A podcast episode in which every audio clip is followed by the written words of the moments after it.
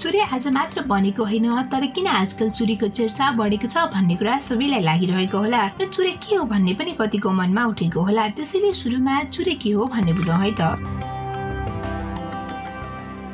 पर्वतका चट्टानहरू हिमालय र हिमालय भन्दा पारि तिब्बती पठारहरूबाट बगेर आउने नदीहरूले थुपारेका थेगरहरूबाट बनेको बताइन्छ। करोड वर्ष पहिले हिमालयको उत्पत्ति भएको अनुमान छ। त्यस क्रममा नदीजन्य पदार्थहरू थुप्रिएर पहाड बन्यो। त्यसरी बनेको पहाड मध्ये सबैभन्दा कान्छो पहाड नै चुरे श्रृङ्खला हो। पश्चिममा पाकिस्तानको इन्डस नदीदेखि पूर्वमा भारतको ब्रह्मपुत्र नदीसम्म फैलिएको चुरे श्रृङ्खलालाई शिवालिक वा सब हिमालय पनि भन्ने गरिन्छ। नेपालको पश्चिम महाकालीदेखि पूर्वमा मेचीसम्म झन्डै आठ सय किलोमिटर लामो चुरे क्षेत्र छ। नेपालको कुल भूभागको बाह्र पोइन्ट सात आठ प्रतिशत क्षेत्र चुरीमा पर्दछ। हेर्दा कडा चट्टान जस्तो देखिने ढुङ्गा बलियो नै हुन्छ तर नरम माटो ढुङ्गासित पत्र पत्र मिलेर बसेको हुँदा नरम चट्टान छिट्टै खिने र बलियो भए पनि बलौटे चट्टान पनि फत्किएर जाने उच्च जोखिम रहन्छ। अब अहिले नै चुरीका कुरा किन बढेको छ त भन्ने पनि बुझौँ है त। अहिले सरकारले ढुङ्गा गिटी बालुवा निकासी खुल्ला गरेको छ। सरकारले ढुङ्गा गिटी भारत निर्यात गरेर व्यापार घाटा कम गर्ने बजेट वक्तव्य मार्फत सार्वजनिक गरेको नीतिको नागरिक अगुवाहरूले चौतर्फी रूपमा विरोध गरिरहेका छन्। हुन पनि लङ टर्ममा हेर्ने हो भने यसले व्यापार घाटा घटाउने भन्दा पनि छन् बढाउने आङ्कलन विभिन्न व्यक्तिहरूले गरिरहेका छन्। वातावरणको हिसाबले हेर्ने हो भने पनि चुरे दोहन घातक छ भन्ने कुरा विभिन्न समाचार माध्यमबाट पनि हामी सुन्दै आएका छौँ। चुरे दोहनले भविष्यमा हाम्रो उर्वर भूमि तराई मरुभूमिमा परिणत हुन पनि समय लाग्दैन। तत्कालीन राष्ट्रपति डाक्टर रामवरण यादवको पहलमा नेपाल सरकारले आर्थिक वर्ष दुई हजार छैसठी सडसठीमा राष्ट्रपति चुरे संरक्षण कार्यान्वयन पनि सुरु गरेको थियो। दुई हजार सत्तरीमा सोही कार्यक्रमलाई राष्ट्रिय गौरवको कार्यक्रम पनि भनियो। यस्तो राष्ट्रिय गौरवको रूपमा रहेको विषय अब त हाम्रो आवाजको भर पर्ने अवस्था आएको छ। चुरेको माटो ढुङ्गाको आर्थिक भ्यालु बाहेक अरू धेरै भ्यालुहरू छ। चुरे त्यो पहाड मात्र होइन यो देशको धमनी नै हो र यो नभए देश नै रहन्न भन्ने कुरा सबै माझ पुर्याउने उद्देश्यले मैले मेरो साथी कैलाशसँग गफगाफ गरेकी छु। आउनुहोस् सुरु गरौँ चुरेका कुरा। त्यसैले भन्दैछु भयो।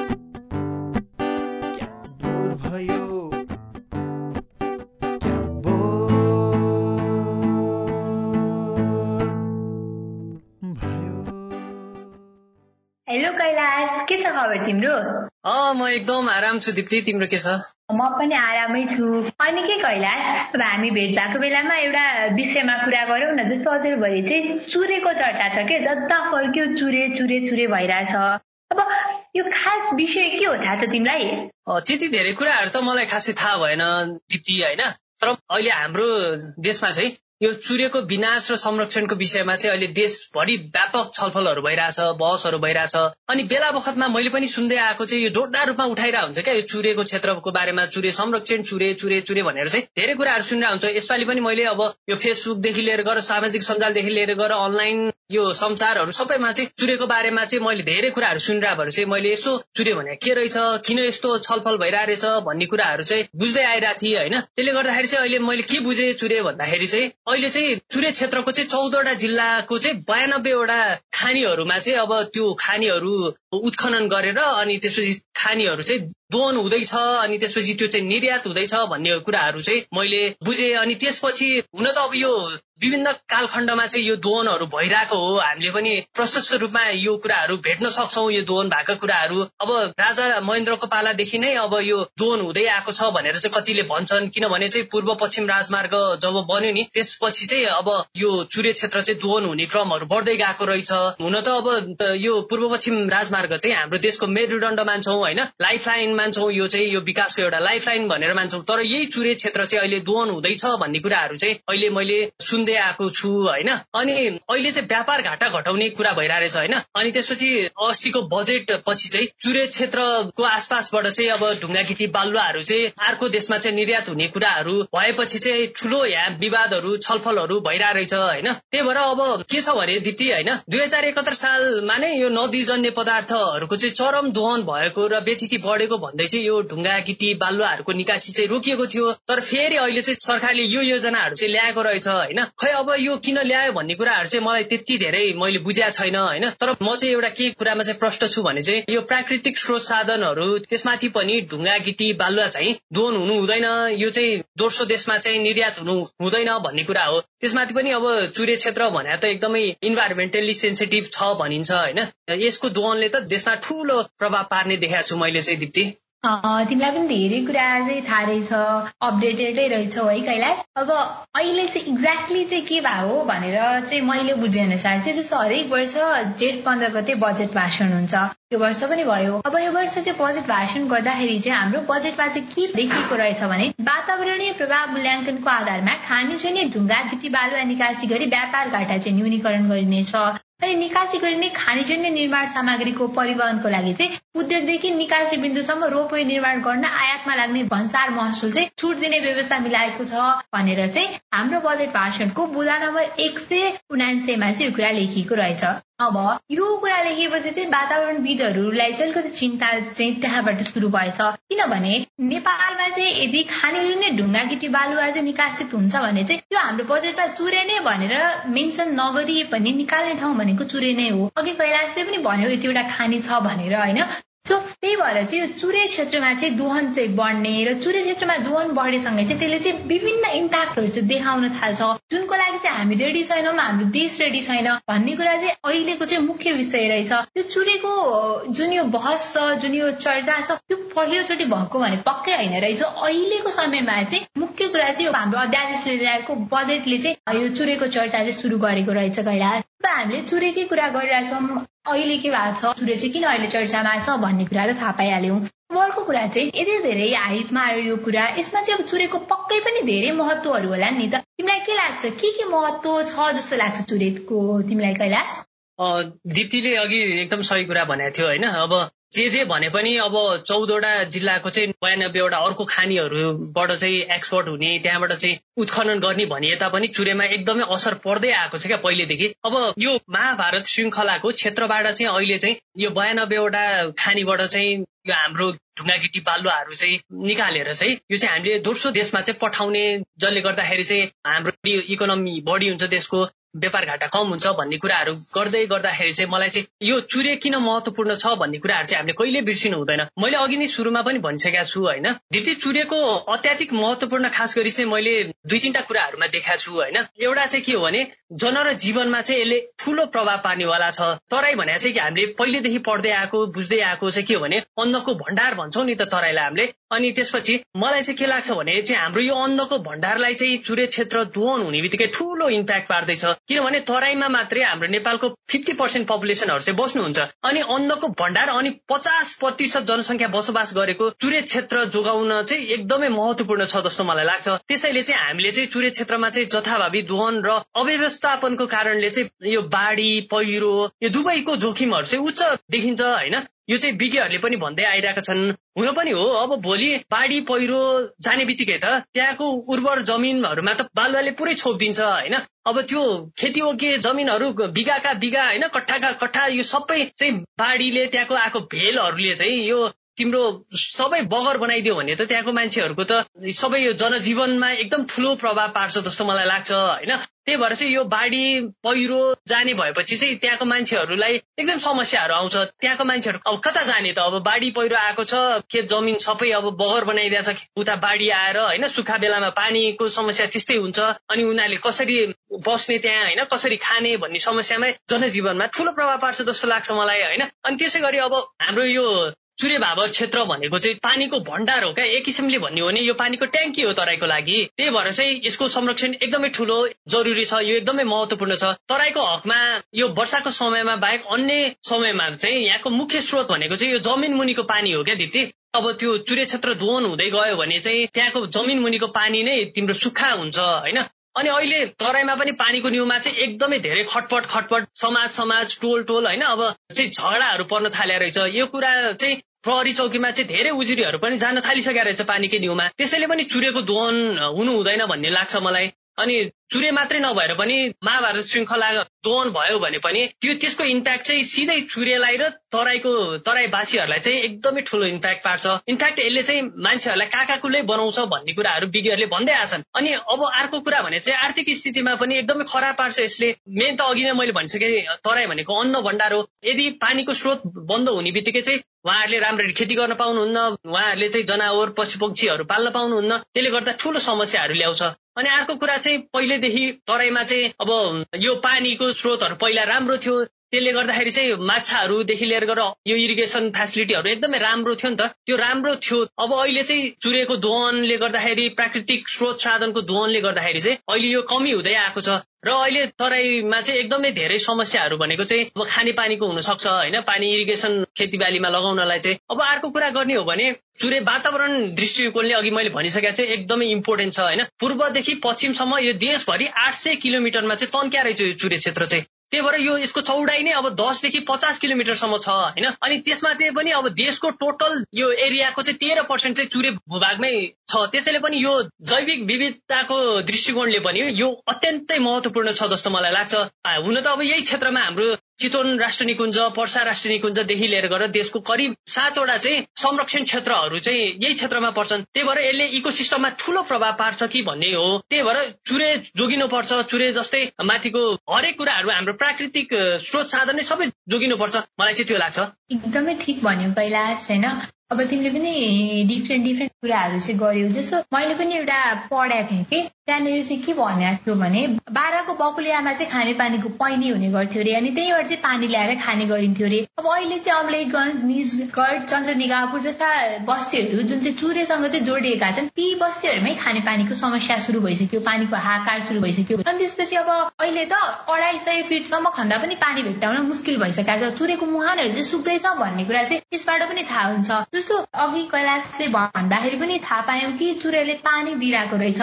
यत्तिकै त पानीको मुहान चुरेमा सुक्दै रहेछ अब यो हाम्रो सरकारको निर्णयले त अझै तराईमा कतिको हाहाकार बनाउने हो भन्ने कुरा त अहिले हामीले कल्पना मात्रै गर्न सक्छौँ है। अब एउटा चुरे त रिजर्भ ट्याङ्क हो। चुरेले मुख्य दिने भनेको नै पानी रहेछ क्या। जस्तो भूकम्पमा चाहिँ भूकम्पले गर्दाखेरि पहाडमा जसरी पानीहरू सुके नि तराईमा चाहिँ यो चुरे दोहन भयो भने त्यसै गरी पानीका मुहानहरू चाहिँ सुक्ने भन्ने एउटा चाहिँ प्रक्षेपण पनि गरिएको रहेछ। अर्को चाहिँ चुरेको महत्व भनेको अब चुरे हेर्दाखेरि सबैभन्दा सानो सबैभन्दा कान्छो पहाड अनि बाहिरबाट हेर्दा स्ट्रङै छ जस्तो देखिए पनि भित्रबाट खासै बलियो पहाड पनि होइन।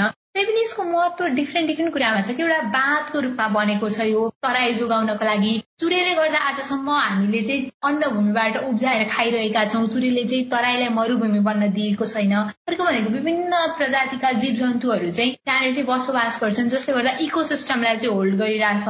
अर्को भनेको ग्लोबल वार्मिङबाट चाहिँ हामीलाई बचाइरहेछ। चुरे चाहिँ हेर्दाखेरि सामान्य पहाड जस्तो देखिए पनि यसले चाहिँ धेरै कुराहरूमा हेल्प गरिरहेछ। यसको महत्व चाहिँ एकदमै धेरै रहेछ क्या। चुरेमा चाहिँ एउटा अलिकति विवादास्पद कुराहरू पनि आइरहन्छन् हुन्छन् कि बोल्ने बेलामा कि चुरेको लागि बोल्ने बेलामा कसले बोल्ने भन्ने कुरामा के हुँदो रहेछ भने चुरेको नेचर हेर्दा चुरेको स्ट्रक्चर हेर्दा यो पहाडी पहाड जस्तो छ त्यसको अवस्थिति चाहिँ तराईमा छ। यो चुरेको निम्ति बोल्ने बेलामा चाहिँ तराईले सोच्ने यो पहाडी स्ट्रक्चर छ पहाडले बोलिदिनुपर्छ भन्ने अनि यो पहाडले चाहिँ के भन्ने भने यो त तराईमा बसिरहेछ। हामी किन बोल्ने? भन्ने खालको एउटा कुरा चाहिँ आउँदो रहेछ। मैले जतिसम्म पढेँ मैले यस्तो यस्तो कुराहरू पनि देखेको थिएँ कि अब कैलाश तिमीलाई चाहिँ के लाग्छ? चुरेको लागि चाहिँ किन बोल्नुपर्छ? अनि कसले बोल्नुपर्छ? मलाई चाहिँ के लाग्छ भने चुरेको लागि त हामी सबैले बोल्नुपर्छ जस्तो लाग्छ क्या। तिमीलाई चाहिँ कुरामा के लाग्छ कैलाश? यसमा त हामी सबैले बोल्नुपर्छ भन्ने कुरामा त कुनै दुई मतै छैन दिदी होइन? अब यसमा तराईले मात्र बोल्ने पहाडले मात्र बोल्ने हिमालले मात्र बोल्ने भन्ने नै होइन क्या। तराईले मात्र बोल्ने भन्ने कुरै छैन यसमा। यसमा त हाम्रो देशको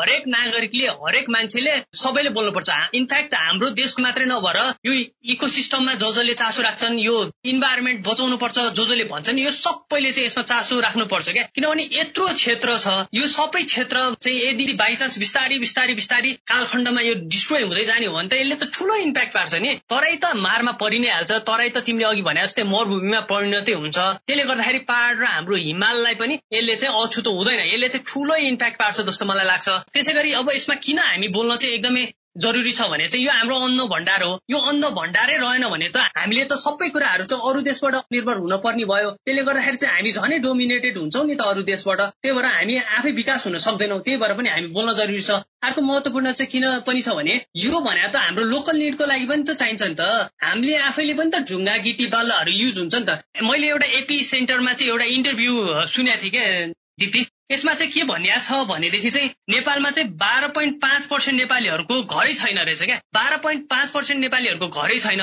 त्यसमा जो जसको घर छ त्यसमा पनि पचास पर्सेन्ट मान्छेहरूको चाहिँ पक्की घर छैन रहेछ क्या। त्यसले गर्दाखेरि चाहिँ अब फ्युचर हेर्ने हो भने चाहिँ लङ लास्टिङ रूपमा हेर्ने हो भने त अब धेरै मान्छेहरूले चाहिँ इन्फ्रास्ट्रक्चरहरू डेभलप गर्दैछ। हाम्रो लोकल निडहरू नै फुलफिल हुनु पर्यो नि त। अब अहिले चाहिँ हामीले यसरी निर्यातहरू गर्नेदेखि लिएर गरेर दोहनहरू गर्नेदेखि कुराहरू चाहिँ यो गर्नु हुँदैन जस्तो लाग्छ। अब अर्को कुरा त अघि तिमीले भनिसकेका छ वातावरण जोगाउनको लागि पनि गर्नु पर्यो। एउटा ग्लोबल वार्मिङ घटाउनको लागि पनि अब गर्नु पर्यो। नत्र भने त पछि हाम्रो हिमाल त पुरै हिउँ सुकेर कालो पत्थर हुनेवाला छ होइन? त्यो हुनु सक्ने सम्भावना धेरै देख्छु म। त्यही भएर चाहिँ मलाई के लाग्छ भने हामी यसमा बोल्नुपर्छ। अब किन पनि बोल्नुपर्छ भनेदेखि चाहिँ दुई हजार चौबिस पच्चिस सालतिरको कुराहरू यसो हेर्ने हो भने चाहिँ हाम्रो देशले चाहिँ संसारको धान निर्यात गर्नेमा पाँचौं संसारको राष्ट्र पर्दो रहेछ। आजभन्दा चौबिस पच्चिस साल। त्यो भने धेरै समय अगाडि होइन क्या? तर अब अहिले चाहिँ के छ? तराईमा चाहिँ अब तराईको धेरै जस्तो युवाहरू देशै छोडेर चाहिँ अब अर्काको देशमा काम गरेर जान पर्ने स्थिति आइसकेको छ। अझै अब यो दोहन भएर अघि हामीले कुरा गरे जस्तै पानीको समस्या हुने खेतलाई चाहिँ बहर बनाइदिने गाई बस्तु पाल्ने वातावरण नहुने हो भने चाहिँ अब झनै यसले ठुलो समस्या ल्याउँछ। त्यही भनेको अनि के एउटा कुरा अब मैले अघि प्रश्न गरिरहँदा पनि के यस्ता प्रश्नहरू चाहिँ उब्जनु चुरेको लागि चाहिँ कसले बोल्नुपर्छ भन्ने कुराहरू उब्जनु भने चाहिँ कस्तो बोरिङ कुरा हो कि? त्यो त हामीलाई सुनिरहनु भएको मान्छेहरूलाई पनि लाग्छ होला। यो त हामी सबैले बोल्नुपर्ने विषय हो हाम्रो देशको विषय हो। अनि हाम्रो लागि बोल्नुपर्ने कुरा हो हामी सबैले बोल्नुपर्छ चुरेको लागि। यसको महत्वको बारेमा पनि हामीले थाहा पाइसक्यौँ। यति धेरै महत्व भएको विषय रहेछ। त्यसैले यसको बारेमा बोल्न चाहिँ हामी पछाडि पर्नु हुँदैन। किनभने हामीले आफ्नै लागि बोल्ने हो। अब हामीले चाहिँ त्यो बजेट सुन्दै गर्दाखेरि चाहिँ के फिल भएको थियो भने त्यो बजेटको मुख्य उद्देश्य आशय भनेको चाहिँ गिटी ढुङ्गा बालुवाको निर्यात खुलाएर चाहिँ व्यापार घाटा घटाउने भन्ने कुरा चाहिँ थियो। अब यसो हेर्दाखेरि मलाई के लाग्छ भने हाम्रो प्राकृतिक स्रोतहरू बेचेर व्यापार घाटा घट्छ जस्तो मलाई लाग्दैन। किनभने त्योभन्दा धेरै खर्च त हामीले संरक्षणको लागि नै युज गरिसकेका छौँ। कि त्यति त इन्भेस्ट गरिसकेका छौँ। त्यही संरक्षण गर्नलाई इन्भेस्ट गरेको कुरालाई फेरि त्यसलाई बेचेर के हुन्छ जस्तो मलाई चाहिँ लाग्दैन। प्राकृतिक स्रोतहरू भनेको रिजर्भ गरेर राख्नुपर्छ। यो हाम्रो लागि हो। आफ्नै देशभित्र चाहिँ युज गर्ने भनेको एउटा छुट्टै कुरा हो। तर व्यापार घाटा घटाउनको लागि भनेर चाहिँ यो निर्यात खुलाउनु भनेको चाहिँ अलिकति मलाई पनि चित्त बुझिरहेको छैन। पहिला के लाग्छ तिमीलाई? साँच्चीकै व्यापार घाटा घटाउँछ जस्तो लाग्छ त। एउटा कुरा क्या दिप्ती तिमीले अब यो ढुङ्गा गिटी बालुवा बेचेर चाहिँ व्यापार घाटा घट्छ कि भन्ने कुराहरू गर्यो। यसमा चाहिँ मलाई पिटिकै लाग्दैन कि यसले व्यापार घाटा घटाउँछ जस्तो मलाई लाग्दैन। बरु मलाई इन्फ्याक्ट के लागिरहेछ भने चाहिँ यो लङ टर्ममा हेर्ने हो भने त यसले व्यापार घाटा झन्डै बढाउँछ जस्तो लाग्छ क्या। यस्तै कुराहरू गरिरहँदा मलाई एउटा दिमागमा के प्रश्न उठिरहेछ भने चाहिँ के अब हाम्रो सरकारले चाहिँ व्यापार घाटा घटाउनको अचुक उपाय चाहिँ अब हामीसँग भएको यो खानी जुन चाहिँ ढुङ्गा गिटी बालुवा नै निकासी हो त भन्ने चाहिँ एउटा प्रश्नहरू उठ्छ। तर मलाई चाहिँ के लाग्छ भने चाहिँ यो चाहिँ पटकै पनि यो एउटा एकदमै वेल प्लान्ड एकदम राम्रो उपाय हो जस्तो चाहिँ मलाई लाग्दैन। ल अब एउटा कुरा मानिलिउ न। अब ढुङ्गा गिटी बालुवाहरू चाहिँ अब बेचेर चाहिँ एक वर्षको व्यापार घाटा कम होला अरे ल। तर अब पाँच वर्ष दस वर्ष पछि चाहिँ अब जब हामीसँग यो खानीहरू सिद्धिँदै जान्छ त्यसपछि चाहिँ हामीले गर्ने के त? अब यो सधैँ हामीसँग त यो प्राकृतिक स्रोतहरू रहिरहँदैन। अनि अर्को कुरा चाहिँ के भने ढुङ्गा गिटी बालुवा भनेको चाहिँ र मेटेरियल हो नि त। यो चाहिँ हामीलाई पुस्तौँ पुस्तासँग पनि चाहिरहन्छ क्या। यो एक जेनेरेसनलाई मात्रै चाहिने चिज होइन नि त। हाम्रो भावी जेनेरेसनहरूलाई चाहिन्छ। अझै हाम्रो नेपाल त अन्डर डेभलप कन्ट्री छ। यो डेभलप हुँदैछ हामीलाई त यो दुबईतिरको यो कतार मलेसियातिरको अमेरिका जत्रो भवनहरू त अझै बन्नै बाँकी छ नि त हाम्रो देशमा। त्यतिखेर चाहिँ अब हामीले अहिले कौडीको भाउमा बेचेर त्यतिखेर चाहिँ डलरको भाउमा ल्याउनु पर्ने स्थिति आउँछ भन्ने कुरा चाहिँ अब सोच्नु पर्छ नि त। त्यसले गर्दाखेरि अहिले कौडीको भाउमा हामी बेच्छौँ। पछि अब डलरको भाउमा ल्याउँदाखेरि लङ टर्ममा हेर्ने भने हामीलाई व्यापार घाटा घट्छ होला कि बढ्छ होला त म जस्तो सर्वसाधारण मान्छेले हेर्दाखेरि पनि मलाई चाहिँ लङ टर्ममा यो व्यापार घाटा घट्ने होइन यसले चाहिँ बढाउँछ जस्तो मलाई लागिरहेछ होइन? अनि अर्को भने चाहिँ यो हाम्रो प्राकृतिक स्रोत साधनहरूलाई यो दोहन गरेर यसलाई बेचेर चाहिँ यो व्यापार घाटा घटाउँछु भन्ने होइन क्या? बरु अब इम्पोर्टहरू चाहिँ अब कम गर्नु पर्यो एक्सपोर्ट बढाउनु पर्यो अब यो ढुङ्गा गिटी बाल्दाको एक्सपोर्टले अब कहिलेसम्म हामी टिक्ने क्या? व्यापार घाटा कहिलेसम्म धान्ने? ल मानिलिउँ व्यापार घाटा कम हुन्छ भने पनि। मेरो विचारमा त के भने बरु सरकारले चाहिँ जडीबुटी क्यास क्रपहरू कफी लगायत अब थुप्रै कुराहरू छ नि त। अब तिनीहरूलाई चाहिँ कसरी एक्सपोर्ट गर्ने भन्नेतिर चाहिँ सोच्नुपर्छ जस्तो मलाई लाग्छ। अब नेपालको हेर हरेक कुरा चर्चित छ नि त। मार्सी चामल चर्चित छ होइन? अब त्यस्तै धेरै कुराहरू चर्चित कुराहरू छ। जडीबुटी त हाम्रो नेपालको खानी भन्छन्। अब क्यास क्रपहरू अलैँचीदेखि लिएर गर सुकमेलदेखि लिएर गएर हरेक कुराहरू कफीहरू चाहिँ हामी त बेच्न सक्छौँ नि त। अर्को देशलाई एक्सपोर्ट गर्न सक्छौँ। अनि त्यसपछि ह्यान्डिक्राफ्टहरू भनेको सबभन्दा ठुलो इम्पोर्टेन्ट कुरा हो। नेपालमा ह्यान्डिक्राफ्टकै लागि कति टुरिस्टहरू आइरहन्छ। अर्को भनेको टुरिज्म डेभलपमेन्ट गर्न सकिन्छ। अहिलेको कोरोना छ अहिले सकिँदैन होला। तर अलि पछि त टुरिज्म डेभलपमेन्टहरू गर्न सकिन्छ। त्यसको लागि राम्रो नीतिहरू चाहिँ बरु सरकारले ल्याउनुपर्छ जस्तो लाग्छ। एउटा चाहिँ के कन्फ्युजन हुनु भएन भने चाहिँ व्यापार घाटा भनेको चाहिँ हामीले जति इम्पोर्ट गर्छौँ त्योभन्दा कम चाहिँ हामीले एक्सपोर्ट गर्यौँ भने चाहिँ व्यापार घाटा हुन्छ। त्यही भएर इम्पोर्ट र एक्सपोर्ट ब्यालेन्स भयो भने मात्रै न्युट्रल हुन्छ। कि भने अब व्यापार बढाउनलाई एक्सपोर्ट बढी गर्न पर्यो। त्यही भएर चाहिँ मलाई के लाग्छ भने हामीले चाहिँ अब इम्पोर्ट चाहिँ घटाउनु पर्यो क्या। कसरी हुन्छ। अब हामी नुनदेखि सुनसम्म लुगादेखि लिएर गर कपालमा लाउने कलरदेखि लिएर हरेक कुरा घरमा भएको हरेक कुरा चाहिँ हामी चाहिँ के गर्छौँ? इम्पोर्ट गरिरहेछौँ बाहिरको देशबाट। तर हामी एक्सपोर्ट के छ? एकदमै थोरै कुरा चाहिँ एक्सपोर्ट गर्छौँ। वर्ल्ड ब्याङ्कको दुई हजार सोह्रको तथ्याङ्क हेर्ने भने नि विश्वको कुल निर्यात छ नि जुन चाहिँ विश्वको कुल एक्सपोर्टमा चाहिँ व्यवहारमा नेपालको हिस्सा चाहिँ जम्मा चाहिँ जेरो पोइन्ट जेरो सिक्स रहेको छ क्या। अब जेरो पोइन्ट सिक्स पर्सेन्ट चाहिँ हामी एक्सपोर्ट गरिरहेछौँ वर्ल्डमा भने चाहिँ अब हामीले व्यापार घाटा नभएर के हुन्छ त अब? त्यही भएर चाहिँ हामीले अब ठुल्ठुला परिमाणमा ल्याइने चिजहरू जस्तै पेट्रोलियम पदार्थ जसमा चाहिँ पन्ध्रदेखि अठार पर्सेन्टसम्म चाहिँ यसले व्यापार घाटा यसले नै गरिरहेछ। हामीले कन्ज्युम गर्नेको पन्ध्रदेखि अठार पर्सेन्ट चाहिँ हामीले पेट्रोलले कन्ज्युम गरिरहेछौँ। अब यसको रिप्लेसको लागि चाहिँ इलेक्ट्रिसिटीहरू चाहिँ अब जेनेरेट गर्नु पर्यो होइन। इलेक्ट्रिक जेनेरेट भइसकेपछि चाहिँ अब बरु राम्ररी इलेक्ट्रिक जेनेरेट अब हाम्रोमा त ठुलो अब चान्स छ नि त इलेक्ट्रिसिटीको त। अब त्यही कुराहरू हामी अरूलाई एक्सपोर्ट गर्न सक्छौँ होइन? त्यहाँबाट हामी रेभिन्यूहरू ल्याउन सक्छौँ त्यहाँबाट चाहिँ हामीले पैसाहरू लिएर आउन सक्छौँ। त्यसले गर्दाखेरि चाहिँ व्यापार घाटाहरू कम हुन सक्छ अब इन्डस्ट्री डेभलपमेन्टहरू गर्ने बरु होइन इन्डस्ट्रीहरू एकदमै व्यापक रूपमा चाहिँ इन्डस्ट्रीको लागि चाहिँ खर्च गर्नु पर्यो। युवाहरूको लागि नेपालमै कसरी बस्ने नेपालमै व्यापार कसरी गर्ने रोजगार कसरी गर्ने भन्ने कुराहरू गर्नुपर्छ क्या। त्यसले गर्दाखेरि चाहिँ बरु व्यापार घाटा चाहिँ बरु कम हुन्छ कि होइन? अनि इम्पोर्टहरू सकेसम्म कम गर्ने अब जस्तै हामी अब दसैँ तिहारको नै एक्जाम्पल लिउँ न अब खसी बोकाहरूकै आयात हामी कति गर्छौँ? त्यसमा करोडौँ अरबौँको हामीले चाहिँ त्यहाँ कारोबार गरेर आउँछौँ। त्यसको लागि चाहिँ अब नेपालमै युवाहरूलाई चाहिँ खसी बाख्रा पाल्न त सकिन्छ नि त हाम्रोमा त वन जङ्गल छ घाँस छ। हाम्रो सोसाइटी नै अब खेतीपाती गर्ने हाम्रोमा सबभन्दा धेरै पपुलेसनै अब एग्रिकल्चरमा इन्गेज भएको मान्छेहरू छन्। त्यो त सजिलो होला नि त बरु अब त्यो कसरी हुन्छ हाम्रो यो खसी बोकाहरू लगायतको कृषिजन्य पदार्थहरू चाहिँ नेपालमै उब्जनी हुने र त्यो कुरा चाहिँ बरु इम्पोर्ट नगरिकन एक्सपोर्ट कसरी गर्न सकिन्छ भन्नेतिर चाहिँ सोच्नुपर्छ जस्तो लाग्छ। त्यसैले मलाई चाहिँ के लाग्छ भने हाम्रो सरकारले एउटा के गल्ती गर्नु हुँदैन अहिलेदेखि भने चाहिँ हामी कौडीको भावमा अहिले बेच्न पर्ने हुन्छ। हाम्रो त्यो मार्केट भ्यालु अनुसार गरे नि जे गरे पनि कौडीको भावमा चाहिँ अहिले हामी ढुङ्गा गिटी बालुवा यो प्राकृतिक स्रोत साधनै नबेचौँ। पछि हामीले चाहिँ डलरको भावमा किन्न पर्दाखेरि चाहिँ हामीले थक्क थक्क हुन्छ जस्तो लाग्छ है मलाई चाहिँ। बडो गजबकै कुरा गर्यो कैलाश तिमीले सबै कुराहरूमा चाहिँ म पनि सहमत छु तिम्रो कुरामा। जस्तो यस्तो हुन्छ कि हाम्रो व्यापारीहरू चाहिँ उनीहरू यो देशका नागरिकहरू पनि हुन् भनेर भन्ने बिर्सन्छन्। हाम्रा कर्मचारीहरूको इमान्दारिता कति छ त भन्ने कुरामा प्रश्न चिन्ह छ। यस्तो बेलामा व्यापार घाटा घटाउने नाममा निर्यात खोलिदिँदा चाहिँ भोलि हाम्रो तराई नै मरुभूमि पो हुने हो कि भन्ने कुराको प्रश्न चिन्ह उभिन्छ। यो त एकदमै क्रिटिकल सब्जेक्ट म्याटर हो नि त। तराई नै रहेन भने त हाम्रो देश रहन्छ जस्तो मलाई लाग्दैन। प्रकृतिलाई चाहिँ जोगाउनु पर्छ यो कुरामा सबैजना चाहिँ सहमत हुनुहुन्छ होला कि प्रकृति भएन भने त केही पनि रहँदैन नि त। सूर्य पनि एउटा प्रकृतिकै हिस्सा हो। अझ यसले धेरै महत्वपूर्ण पहाडको रूपमा चाहिँ रहेको छ नेपालको रूपमा हेर्दाखेरि चाहिँ। अनि एउटा कुरा चाहिँ के भने नि नेपाल सरकारले चाहिँ तुरेको बालुवा ढुङ्गा माटोलाई चाहिँ एउटा माटोको रूपमा मात्र बुझेको छ जस्तो लाग्यो क्या। यसको आर्थिक भ्याल्यु चाहिँ कतिको पैसा निकाल्छ भन्ने कुरा मात्र बुझेको छ जस्तो लाग्यो। तर त्यो पैसा भन्दा बाहेक पनि एकदमै धेरै रोलहरू चाहिँ प्ले गरिरहेछ नि त। त्यो चाहिँ हाम्रो सरकारले चाहिँ बुझ्न सकेको छैन जस्तो लाग्यो। त्यसैले हामी सबैजनाले चाहिँ हाम्रो प्रकृतिलाई चाहिँ बचाउनु पर्छ प्रकृतिको महत्व चाहिँ हामीले जति देख्छौँ नि त्योभन्दा धेरै चाहिँ छ। हामीले जसरी आमाको भ्याल्यु चाहिँ आमा नभएपछि मात्र थाहा पाउँछौँ। नि त्यसै गरी भोलि चाहिँ हाम्रो प्रकृति नभएपछि मात्रै हामीले चाहिँ प्रकृतिको भ्याल्यु थाहा पाउनेछौँ। यदि चुरे चाहिँ दहन भएर चाहिँ सकियो भने मात्रै हामीले चुरेको महत्व थाहा पाउनेछौँ चुरेको महत्व बुझ्नेछौँ जस्तो लाग्छ मलाई। त्यही भएर त्यो सकिनुभन्दा अगाडि हाम्रो प्रकृति मासिनुभन्दा अगाडि नै हामीले चाहिँ बोल्नुपर्छ।